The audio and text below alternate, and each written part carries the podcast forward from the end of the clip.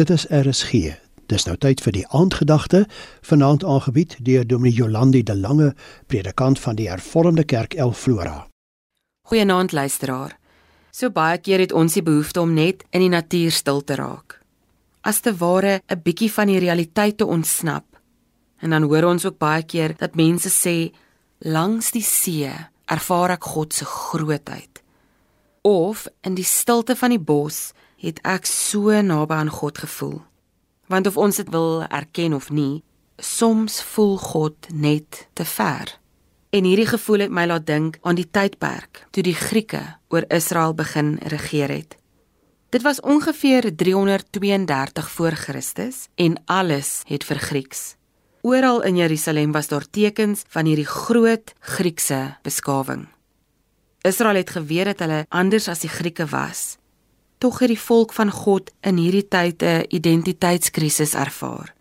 Hulle het begin wonder of God werklik so uniek is, veral aangesien die Grieke so baie ander gode aanbid.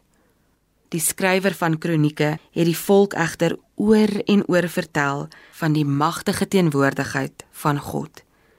Ons lees daarvan in 2 Kronieke 7 vers 1. Toe Salomo klaar gebid het, het daar vuur uit die hemel gekom en die brandoffers en die ander diereoffers verteer. En die magtige teenwoordigheid van die Here het die tempel gevul.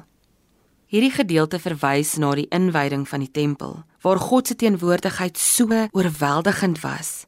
En dit is juis dit wat Israel radikaal anders maak as die Grieke. Want die Grieke het ook 'n soortgelyke plek van aanbidding gehad in Delphi en daar was die god Apollo aanbid. Mense het daarin gestroom met die hoop om genees te word en om woorde van Apollo te hoor. Maar keer op keer het die mense Delphi teleurgesteld verlaat. Die volk het besef dat in Jerusalem was dinge heeltemal anders.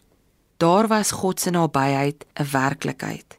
Daar het mense nuwe krag ontvang en nuwe hoop gekry. En die wonderlike is dat die God van Jerusalem vandag nog steeds ons God is. Die God wat was, wat is en wat sal wees. Kom ons bid saam.